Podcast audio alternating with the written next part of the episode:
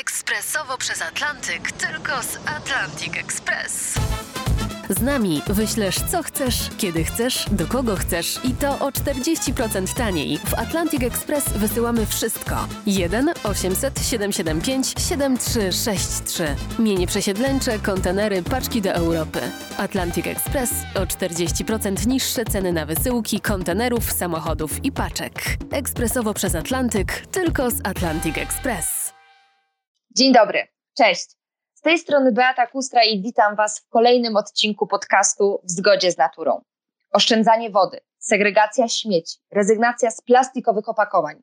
Czy możemy zrobić coś jeszcze dla środowiska? Oczywiście. Przekonaj się, jak niewiele potrzeba, aby nasze życie było zgodne z naturą. Już małe zmiany domowych nawyków mają znaczenie. W każdym odcinku tego podcastu usłyszysz, co możemy zrobić, by pomóc środowisku, a jednocześnie żyć zdrowiej i bardziej świadomie. Daj się zainspirować do ekozmian w codziennym życiu razem ze Szkołą Główną Gospodarstwa Wiejskiego w Warszawie. Moim dzisiejszym gościem jest doktor habilitowana Krystyna Rejman, profesor w Instytucie Nauk o Żywieniu Człowieka w Szkole Głównej Gospodarstwa Wiejskiego w Warszawie. Dzień dobry pani profesor. Dzień dobry pani i dzień dobry słuchaczom. Pani profesor, temat marnowania żywności i życia według filozofii zero waste jest ostatnio bardzo popularny i nie ukrywam, że osobiście jest mi bardzo bliski. W Polsce co roku marnuje się jednak kilka milionów ton jedzenia. Czy to nie jest trochę wina tego, że być może nie umiemy robić zakupów? Bardzo dobrze, że Pani powiedziała, że ten temat jest Pani bardzo bliski. On powinien być bliski wszystkim nam, ponieważ wszyscy jemy żywność dzień w dzień, kilka razy dziennie. I faktycznie y, od roku 2011 mniej więcej świat dopiero zainteresował się kwestią ogromnego marnotrawstwa żywności. Jedna trzecia tego, co wyprodukujemy po to, żeby człowiek zjadł, idzie na marne, na śmietnik. Więc e, to jest e, zatrważająca liczba. E, Polacy nie są, że tak powiem, gorsi, też się do tego dokładają, bo to jest 9 milionów ton żywności w Polsce każdego roku. I łatwo można przeliczyć, że to jest na jedną osobę 54 kg jedzenia. Więc jeżeli załóżmy, żyjemy w czteroosobowej rodzinie w gospodarstwie domowym, to jest 216 kg żywności. To jest y, masa żywności, która trafia na śmietnik, y, gnije, zatem mamy emisję gazów cieplarnianych. Y, trzeba tę żywność wywozić ze śmietników najpierw i tak dalej, więc to, to obciążenie środowiska powodu marnowania żywności jest bardzo duże. Stąd my musimy przestać marnować jedzenie i to jest najlepsza metoda, badania pokazują, ograniczania wpływu gospodarowania człowieka na klimat, na środowisko. Stąd różne kampanie edukacyjne, ale tych kampanii edukacyjnych jest ciągle mało. E, to nie trafia ciągle do wszystkich i niemarnowanie żywności właściwie pozostawiamy organizacjom pozarządowym, blogerom. E, to jest, to, to żyje w internecie. E, więc dobrze, że są audycje w radiu, że mm, także dzięki Bogu w ubiegłym roku wreszcie nasz Sejm też przyjął ustawę o, i podpisał ją prezydent o niemarnowaniu y, żywności, o ograniczaniu y, marnotrawstwa w sklepach, na razie tych większych, ale za dwa lata będzie już obowiązywało to wszystkie sklepy, więc dobrze, dzieje się. I może jeszcze jedno powiem y, tytułem wstępu. Za chwilę, dokładnie za tydzień, jest 29 września. I po raz pierwszy będzie ten dzień celebrowany, obchodzony, albo będzie się dużo mówić na temat y, marnowania żywności i konieczności niemarnowania. Dlatego, że y, FAO, czyli Światowa Organizacja do Spraw Wyżywienia i Rolnictwa, y, nazwała ten dzień jako Międzynarodowy Dzień Świadomości Marnotrawstwa Żywności. E, na, w naszych mediach to troszeczkę zostało przetłumaczone inaczej. E, mówi się o Międzynarodowym Dniu Walki z Marnotrawstwem Jedzenia. E, mnie się wydaje, że nie można walczyć tylko przez jeden dzień. My musimy walczyć przez okrągły rok. Dlatego ta nazwa bezpośrednio tłumaczona z angielskiego, że to jest Międzynarodowy Dzień Świadomości Marnotrawstwa Żywności, jest moim zdaniem nieco lepsze. A marnujemy, jak już powiedziałam, zatrważające ilości. No i teraz odpowiadając na Pani pytanie, jak powinniśmy robić zakupy, no to jest prosta odpowiedź. Mądrze i w sposób odpowiedzialny, bo jesteśmy odpowiedzialni i za swoje pieniądze, to boli, jak wyrzucamy pieniądze. Badania pokazują, że właśnie nasi respondenci w różnych badaniach, które robimy tu w Instytucie, e, nie, pierwszą dla nich sprawą jest zmarnowanie pieniędzy, a dopiero drugą, trzecią kwestie środowiskowe. Więc odpowiedzialnie za własną kasę, ale także odpowiedzialnie za środowisko. Zatem po pierwsze, to jest y, powtarzane wielokrotnie, ale to nie działa. Nie wolno robić zakupów, jak ma się pusty żołądek, jak człowiek jest głodny. Chyba, wie, chyba nie jeden raz się wszyscy na tym złapaliśmy, prawda? Jasne. A jeżeli jest pusty żołądek, kupimy więcej. To jest psychologia żywienia. Nie ma opcji, żebyśmy więcej nie kupili.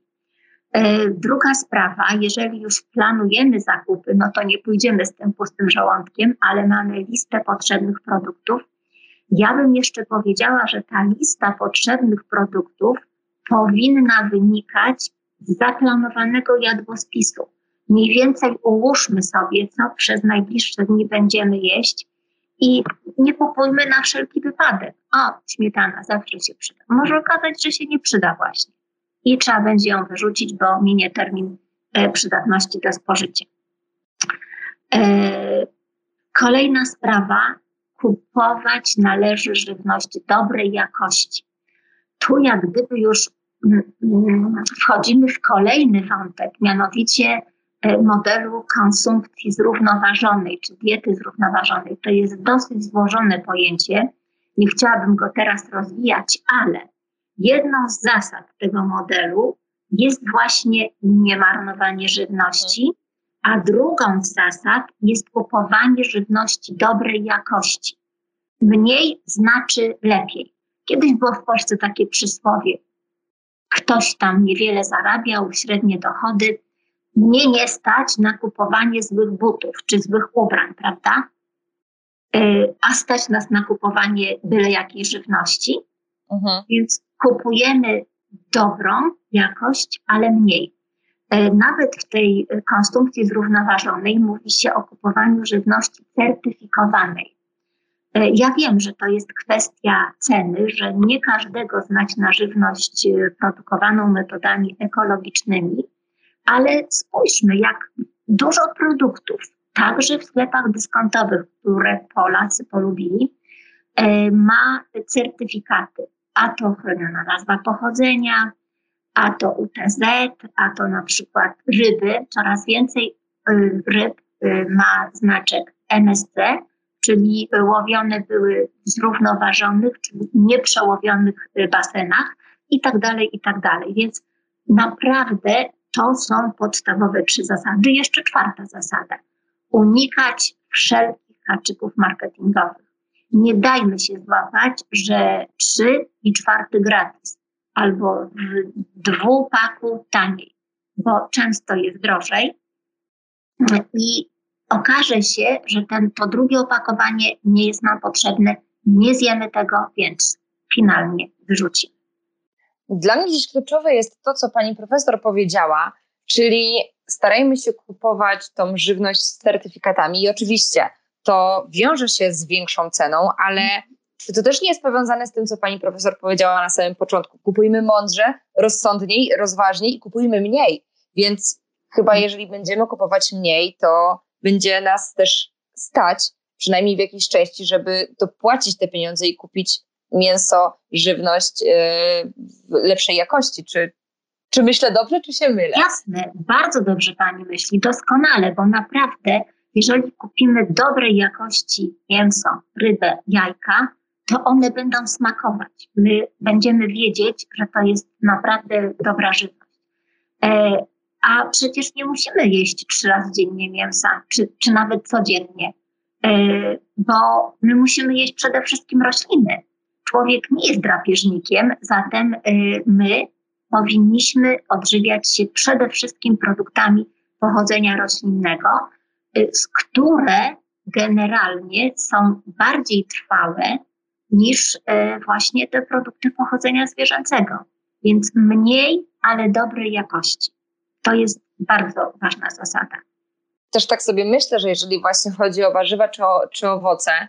W nawiązaniu do tego, co mówi pani profesor, czyli że przede wszystkim nasza dieta powinna skupiać się na owocach i warzywach, no to przecież myślmy o tym, e, co nam daje dany sezon, co nam daje dany miesiąc, z czego jakich owoców i warzyw chyba jest najwięcej obecnie na targach i, i placach. Przecież Mhm. jeżeli jest sezon na przykład obecnie na dynię, to ta dynia jest tańsza, tak? Mhm. I jest w ogromnym wyborze. Jest Dokładnie. wiele różnych odmian i, i na, za każdym razem można coś innego z takiej dyni zrobić. Ale faktycznie kupowanie sezonowe, to idźmy dalej, lokalne, tak? Czyli Dokładnie. nie kupujemy gdzieś tam za granicą, to co zostało wyprodukowane, przywiezione do Polski, tylko to, co zostało tu wyprodukowane. A czy naprawdę ludzie muszą dzisiaj kupować ananasy w polskich sklepach? No, to jest jakieś nieporozumienie.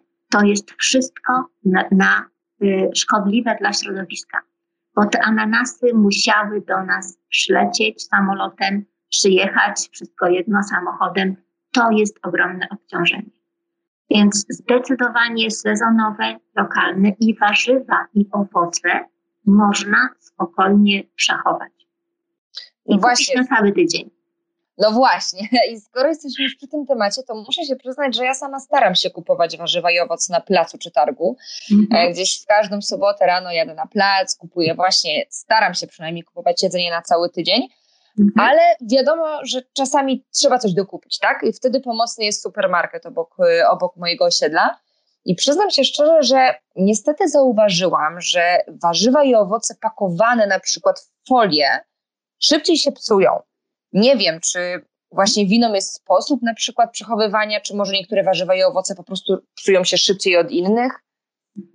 E, Obydwie Pani sugestie są właściwie słuszne, e, dlatego że wśród e, wielu różnych gatunków warzyw i owoców mamy takie bardziej trwałe i te mniej trwałe, czy też nietrwałe, prawda? E, Dlatego jak marchewkę czy dynię zbierzemy teraz, jesienią, to właściwie jemy to przez cały rok, do następnych zbiorów. Ale sałaty nie da się przechować, czy natki Dokładnie. prawda? E, W związku z tym, e, jeżeli robimy takie zakupy większe i będą w e, koszyku właśnie o warzywa, owoce trwałe i nietrwałe, to starajmy się przede wszystkim najpierw wykorzystać te nietrwałe. Tak? Czyli w pierwszych dniach po zakupie to będą te nietrwałe, a w drugiej kolejności te, które można troszeczkę dłużej przechować. Bo wa- ważny jest także oczywiście sposób przechowywania, dlatego że y, produkty typu warzywa, owoce, y, one dalej żyją.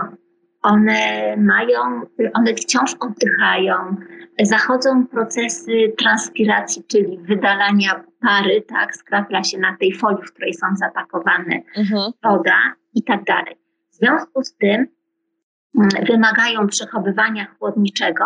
Pomidorów nie musimy wkładać do lodówki, broń Boże, ale sałatę oczywiście tak, czy, czy jarmuż, czy, czy wszystko co zielone, to właściwie wymaga y, lodówki. E, Folia zabezpiecza z kolei te warzywa przed wysychaniem, bo w, w lodówce panuje suche powietrze, e, ale z drugiej strony też zatrzymuje wilgoć, czyli ta woda będzie powodowała, że szybciej będą się rozwijać procesy gnicia, że będą rozwijać się pleśnie, no i w efekcie warzywa będą się psuć. No właśnie, to może w końcu pani profesor odpowie na pytanie, które mnie nurtuje. I Tak. sprawa, która naprawdę jest dla mnie mm, zawsze okropna. To znaczy, kupuję jarmuż, kupuję roszponkę. I po kilku dniach, nawet jeżeli tego nie otworzę i leży to w lodówce, jest to zgniłe, już zaczyna śmierdzieć, takie spocone. Jak w takim razie właśnie takie zieleniny e, powinniśmy przechowywać? Powinniśmy je umyć i prze, przełożyć do jakiegoś innego opakowania? Mam podejrzenie, może tak powiem, jeżeli e, e, te właśnie sałaty, warzywa takie zielone zapakowane są w pojemnik plastikowy, a potem jeszcze w folię, e, niewykluczone, że tam był zastosowany jakiś gaz do przedłużenia ich trwałości. Bo to jest jedna z dziedzin nauk o żywności, o żywieniu, czyli pakowanie żywności, tak? Mhm. E, zatem e, nawet jeżeli nie były niczym potraktowane, to ja proponuję wyjąć te warzywa zielone z opakowania, w którym były kupione, przejrzeć je, te, które są uszkodzone, czy zarzucony jakiś listek, czy może jakiś przerwany listek, zdjąć tak? Jeżeli się nadaje do zjedzenia ten rozerwany liść, to można mhm. jeszcze zjeść, a jak nie, trudno wyrzucić. Potem takie, takie zielone warzywo zawinąć w ręcznik papierowy, taki zwykły jednorazowy ręcznik papierowy i później dopiero włożyć w jakąś torebkę foliową. Wtedy ten ręcznik pochłania tę wydzielającą się wodę, warzywo dłużej się przechowa. Czyli ten ręcznik papierowy także y, wsadzić do. Mm, tak, tak, tak, tak. Sałatę ręcznik, ręcznik dopiero z tą sałatą y, w torbę foliową. Pani profesor, mhm. oficjalnie obiecuję, że zadzwonię, jak sprawdzę i powiem, czy to zadziałało. Mam nadzieję. Proszę Dobrze. mi w takim razie powiedzieć, ma Pani jeszcze jakieś triki, które nam e, Pani profesor może zdradzić, jak przechowywać żywność, aby się właśnie nie psuła, jak ta już wspomniana nieszczęsna sałata, jarmuż, roszponka? Nie no, przede wszystkim też e, trzeba czytać e, etykiety i to, co napisał producent, jak przechowywać e, dany produkt.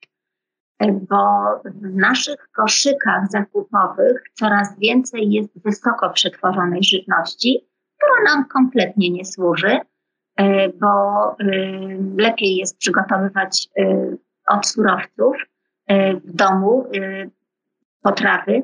Ja wiem, że zaraz może się pojawić taki argument, nie po to walczyliśmy, cudzysłów, e, nie po to haruję, tak, od rana do nocy, żeby potem jeszcze stać w kuchni. Jasne. E, ale e, właśnie dlaczego trzeba zmienić tutaj nasze podejście do żywności? Dlaczego my traktujemy czas spędzony w kuchni jako czas stracony, a czas przed telewizorem nie jest stracony? Ja myślę, no. że niestety u mhm. nas y, cały czas jest takie przekonanie, że gotując dla siebie i karmiąc siebie czy mhm. swoich bliskich, um, nie walczymy o, o lepszą przyszłość dla nas, dla naszego organizmu, czyli nie działamy dla siebie, tak? To, mhm. to, co mówi pani profesor, czyli my siedzimy przed telewizorem i odpoczywamy, no bo przecież nasz organizm musi odpocząć, ale tak. nasz organizm musi jeść dobre jedzenie, nie tak zwane śmieciowe jedzenie, prawda? Mhm. Tak, więc my możemy siedzieć w kuchni na stołku, na krześle, wszystko jedno i obierać warzywa, siekać. Dokładnie. To jest, to jest y, cena zdrowia i my w to zdrowie musimy inwestować przez całe życie, oczywiście odpowiednio dobrze się odżywiając. Są nawet takie y, specjalne systemy pakowania próżniowego i y, specjalnych naczyń. To są rzeczy bardzo kosztowne E, moim zdaniem sieć sklepów detalicznych i dostęp w ogóle do żywności fizycznej, że blisko można mhm. kupić, mamy doskonały. W związku z tym, moim zdaniem, nie ma potrzeby inwestowania w dosyć drogie urządzenia, ale właśnie starajmy się z głową te zakupy robić i co jeszcze ważne, sprawdzać stan lodówki, stan szafek, zanim pójdziemy kupować jedzenie. Na bieżąco. E, tak, jest taka zasada FIFO, e, czyli first in, first mhm. out. Czyli to, co pierwsze weszło do lodówki, to niech pierwsze z niej też wyjdzie. W ten sposób jest ta rotacja świeżości, że tak powiem, zachowana i żywność będzie się mniej marnowała. Ja przyznam szczerze, że e, z domu rodzinnego wyniosą taką praktykę. To znaczy, moi rodzice e, bardzo często przekładali na przykład wędlinę do szklanego, szczelnie zamykanego pojemnika i sama zaczynam to praktykować u mnie w domu. I hmm. tak jak pani profesor przed chwileczką powiedziała, że oczywiście te wszystkie pojemniki e, specjalnie e, wytworzone z jakimś specjalnym systemem, który ma hmm. bardzo długo utrzymywać świeżość danej, danej potrawy czy właśnie wędliny są ogromnie kosztowne, tak. ale wydaje mi się, że jakieś takie właśnie mikronawyki, chociażby przekładanie po prostu do zwykłego szczelnego pojemnika, to chyba są dobrymi nawykami, prawda? Jasne. Y, muszę powiedzieć, że można tutaj w odniesieniu do niemarnowania żywności powiedzieć o takiej ekonomii małych kroków. Małymi krokami dochodzimy do tego, żeby y, mniej y, wyrzucać, żeby lepiej wykorzystywać tę żywność, którą kupiliśmy. I przecież wiele produktów żywnościowych my kupujemy w słoikach.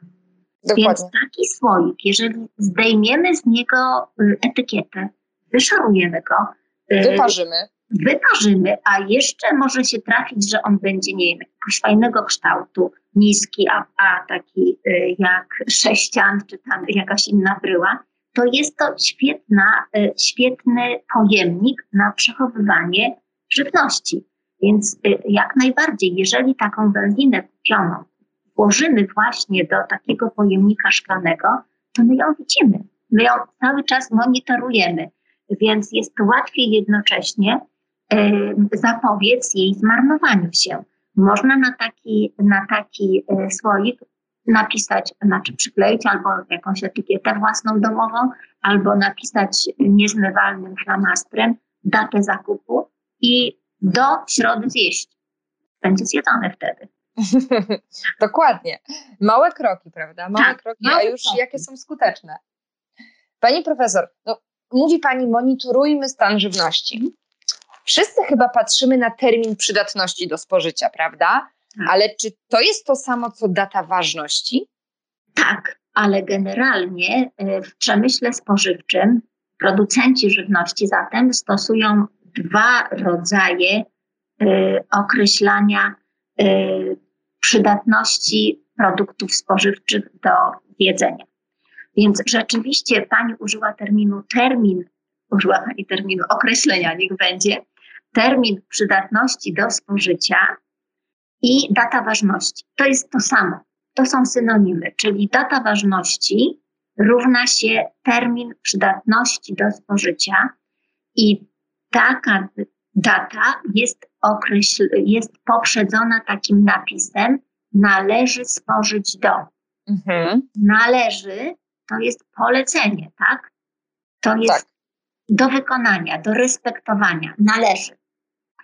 E, zatem wskazuje ta data, do kiedy spożycie danego produktu jest bezpieczne. W związku z tym należy, czyli obowiązek, tak, tym, tym, e, tą datą oznacza się produkty, które są nietrwałe a więc właśnie wędliny, mięsa, ryby, przetwory różnego rodzaju z produktów pochodzenia zwierzęcego, nabiał czy też dania gotowe, niemrożone, które są do odgrzania w domu. I jest jeszcze drugi y, termin, który stosują y, producenci żywności. To jest data przydatności do spożycia. I ta data z kolei równoznaczna jest z określeniem data minimalnej trwałości. I wtedy na opakowaniu jest napisane najlepiej spożyć przed, jest podana data, albo najlepiej spożyć przed końcem miesiąca i roku. Więc jeżeli najlepiej, to to jest taka dobra rada, prawda? Czyli mhm. Y, gwarantuje mi jako producent, że do tego miesiąca, daty, roku y, produkt zachowa wszystkie swoje właściwości odżywcze i y, organoleptyczne, sensoryczne, inaczej mówiąc. E, ale po tymże miesiącu czy też roku ten produkt może być totalnie dalej dobry do spożywania, bo, y, bo, bo ta data jest, jak, no, jest gwarantowana, prawda? Mhm. Ciekawe badania były zrobione też u mnie w instytucie, mm, gdzie badano właśnie, jak zachowują się produkty po y, upływie, czy to daty ważności, czy też daty przydatności do spożycia. I proszę sobie wyobrazić, że mleko UHT 6 y, miesięcy po upływie daty ważności, bo mleko to jest produkt nietrwały, więc data ważności była, ale 6 miesięcy po y, i właściwości, które oznaczone zostały chemicznie, a więc w laboratorium, i sensoryczne były identyczne jak świeże. No jest to nie do uwierzenia, no bo w końcu tak. jest to nabiał, prawda? Mhm. No więc y, właśnie to, jak widać, y, jest y, w związku, może inaczej, w związku z tym daty są bardzo ważne. Zwłaszcza daty na tych produktach nietrwałych, czyli daty ważności, czy też termin przydatności do spożycia. Te musimy respektować, ale człowiek jest wyposażony w zmysły, tak? Mamy oczy, uszy, nosy, języki. W związku z tym, jeżeli kupiliśmy mleko, nawet nie UHT, ale niech będzie pasteryzowane, które rzeczywiście ma tę datę yy, ważności znacznie krótszą niż takie mleko UHT, yy, czyli yy, które nie wymaga warunków chłodniczych, więc po pierwsze, to mleko pasteryzowane, powiedzmy w butelce kupione, yy, stało w lodówce. Był zachowany łańcuch chłodniczy, czyli natychmiast ze sklepu, tak, z lady chłodniczej, przywiozłam je do domu, włożyłam do, może w torbie termicznej, niech będzie, zimą nie ma problemu, włożyłam do lodówki i ono cały czas stało w tej lodówce, e, to wyjmuję je i patrzę, aha, dwa dni po terminie, tak, po dacie ważności. Mhm. Okej, okay, to włączam oczy. Wygląda dobrze. Odkręcam. Wącham. Tak, I włączam uszy. Czy nie słyszę jakiegoś dziwnego odgłosu? Znowu oczy. Co się dzieje na powierzchni pod, y, pod, pod nakrętką? Potem nos, wącham, tak? Wreszcie łyżeczkę i spróbuję.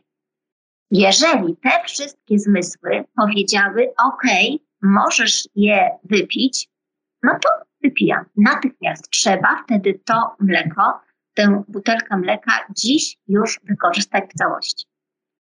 A to jest bardzo proste, żeby zaopiekować się takim litrem mleka. Zatem y, rzeczywiście rozsądek również oprócz tych dat, daty ważności i daty przydatności do spożycia warto stosować. Amerykanie y, mają takie hasło when in doubt, throw it out. Czyli jeżeli masz wątpliwości, to wyrzuć. Więc jeżeli nasze zmysły pokazują nam, że to wątpliwe, no albo powiedzmy to mleko jest miesiąc przeterminowane, no to nawet bez próbowania możemy się już z nim pożegnać. Ale nie, nie możemy dopuścić do tego, żeby ono się przeterminowało o cały miesiąc.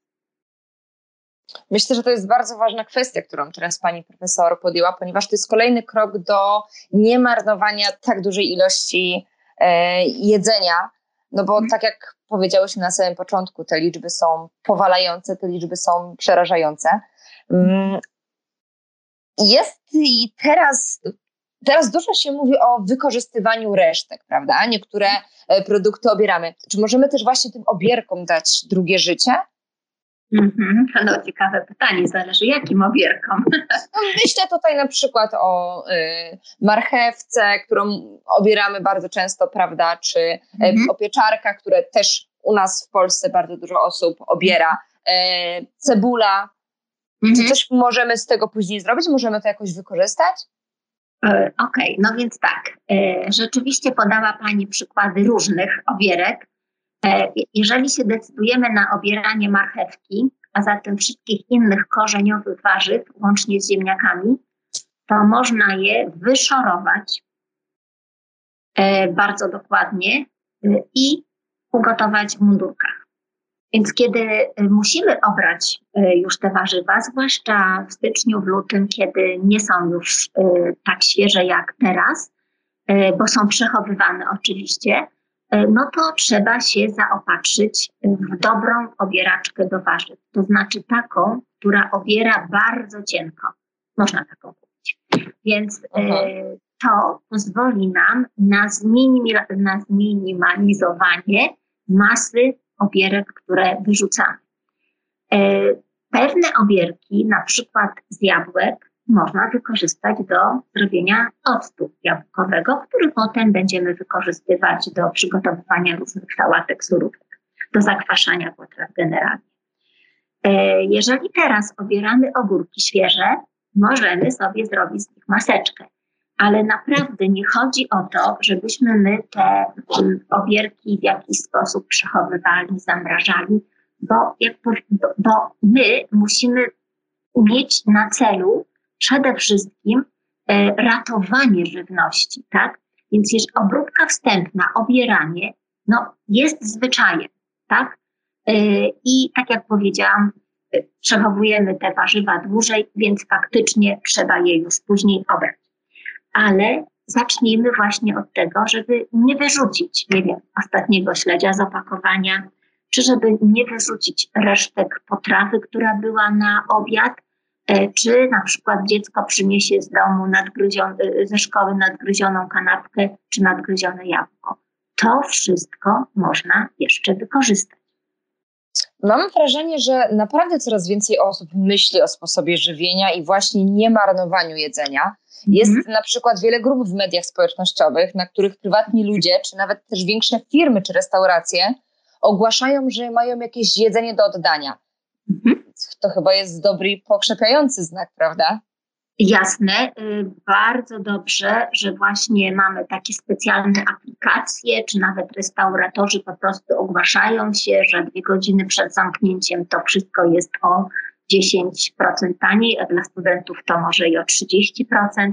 Bardzo dobrze, bo dzięki temu ograniczamy marnotrawstwo dobrej żywności. I to nie są surowce w gastronomii, prawda? To przecież były surowce, które potem wymagały wody, y, energii elektrycznej, gazu, niech będzie y, restauracja, kuchnia musiała być oświetlona, to wszystko były koszty dla środowiska również, tak? Bo, y, bo w związku z tym, jeżeli taka potrawa miałaby się zmarnować, no to jest niedopuszczalne. Więc są pewne restauracje, y, które wbrew zasadom pozwalają, zasadom obowiązującym generalnie w gastronomii, pozwalają pracownikom na koniec dnia zabrać do domu tę żywność, która została, tak? Przygotowane potrawy i niezjedzone przez gości kupione. E, ale właśnie również te aplikacje, które także dużo taniej e, można za pomocą takiej aplikacji odebrać e, jedzenie z restauracji, to bardzo dobrze. Bo to są także, mówimy taniej, no to jak taki restaurator wychodzi na swoje? no w prosty sposób, bo nie musi utylizować tej żywności, tak? Bo utylizowanie, wyrzucanie tych niezjedzonych potraw to jest także dla niego koszt. A przy tym e, taki restaurator, moim zdaniem, bardzo dużo zyskuje wizerunkowo, bo on dba o żywność, on szanuje żywność. Więc to jest jak najbardziej mm, do, do pochwalenia po prostu. Dokładnie, musiałby wyrzucić, a być może zarobi więcej i nie wyrzuci jedzenia, a właśnie o to chyba w tym wszystkim tak. E, chodzi.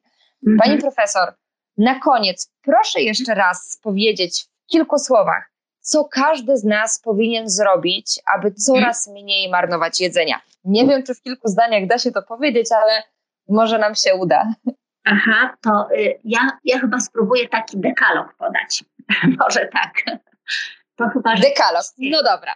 10, 10 przykazań albo 10 praktycznych wskazówek, jak ograniczyć marnotrawstwo żywności, bo z czasem dojdziemy do niemarnowania żywności. Więc znowu ta ekonomia małych kroków.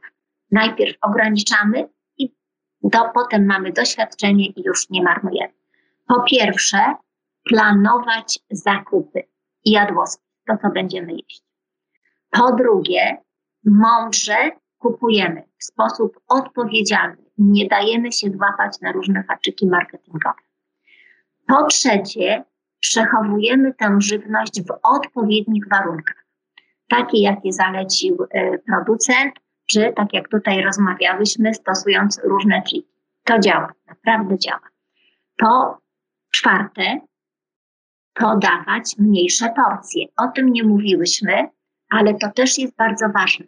Jeżeli nawet w domu nie wykładajmy jedzenia na półmiski, do wazy zupy, tylko po prostu na talerz od razu porcjować. Jeżeli ktoś będzie chciał więcej, to dostanie dokładkę. Czyli nie A robimy fiesty, tylko yy, każdy posiłek dostosowujemy do naszego gościa. Jasne. Ja, i, I to tak samo działa w domu. Bo jeżeli coś zostanie w garnku niewydane na talerz, to automatycznie to trafi do lodówki w mniejszym garnku, czy w pojemniku będzie przechowane, czy w słoiku szklanym, tak? Można to przelać Jasne. i przechować w lodówce. Więc y, mniejsze porcje, a przy okazji dbamy też o, w związku z tym, o bilans energetyczny, y, bo niestety y, całe społeczeństwo ma tendencję do coraz większej masy ciała. Y, piąta zasada to jest ta właśnie zasada FIFO, czyli rotacja w lodówce, w, pół, w, w szufladach, w półkach, gdzie przechowujemy żywność. Pierwsze kupione, to i pierwsze wychodzi. Tak? E, szósta kwestia, szóste przykazanie, zwracać uwagę na daty e, i właśnie e, pilnować, napisać na tym słoiku, kiedy było wstawione do lodówki czy też do zamrażarki coś, i wyciągać też zgodnie z tą zasadą czyli pilnujemy dat.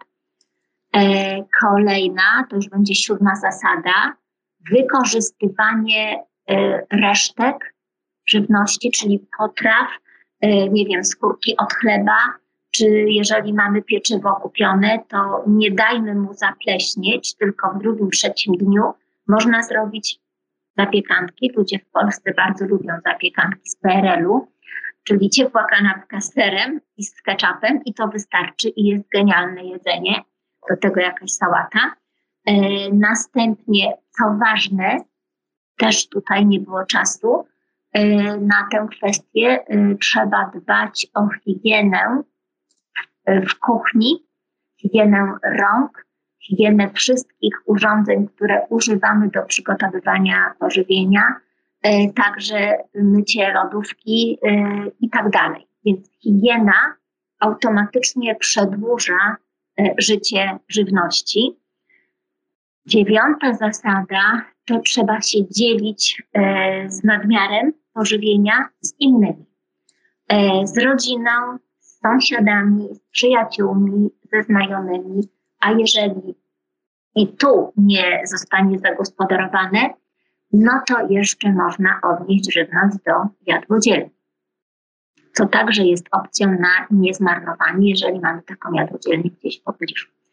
No i dziesiąta zasada to właśnie pokochaj żywność i pokochaj yy, kuchnię, bo wtedy zdecydowanie więcej myślimy o jedzeniu, o zdrowym jedzeniu, o dobrym jedzeniu, i to wychodzi nam tylko na zdrowie. No, pani profesor, przyznam, że ten dekalog powinien znać na pamięć chyba każdy. Mhm. Na szczęście ten dzisiejszy odcinek będzie można odsłuchać wiele razy. Mm, ja ze swojej strony bardzo dziękuję za dzisiejszą rozmowę. Przyznam szczerze, że wiele się nauczyłam i będę bardziej świadomie, na pewno bardziej świadomie robić zakupy i planować posiłki, także dziękuję. Ja również bardzo dziękuję i mam nadzieję, że jeżeli odsłucha tego, tej audycji choć jedna osoba, to i to będzie sukces. Bo ona, mam później nadzieję, zachęci inną osobę albo będzie opowiadać, co taka jedna paniusia w radiu mówiła. Moim dzisiejszym gościem była doktor habilitowana Krystyna Rejman, profesor w Instytucie Nauk o Żywieniu Człowieka w Szkole Głównej Gospodarstwa Wiejskiego w Warszawie. No, pani profesor, jeszcze raz bardzo, bardzo dziękuję. Dziękuję serdecznie również. A ja ze swojej strony zapraszam Państwa na kolejny odcinek podcastu w zgodzie z naturą. Dziękuję, Beata Kustra.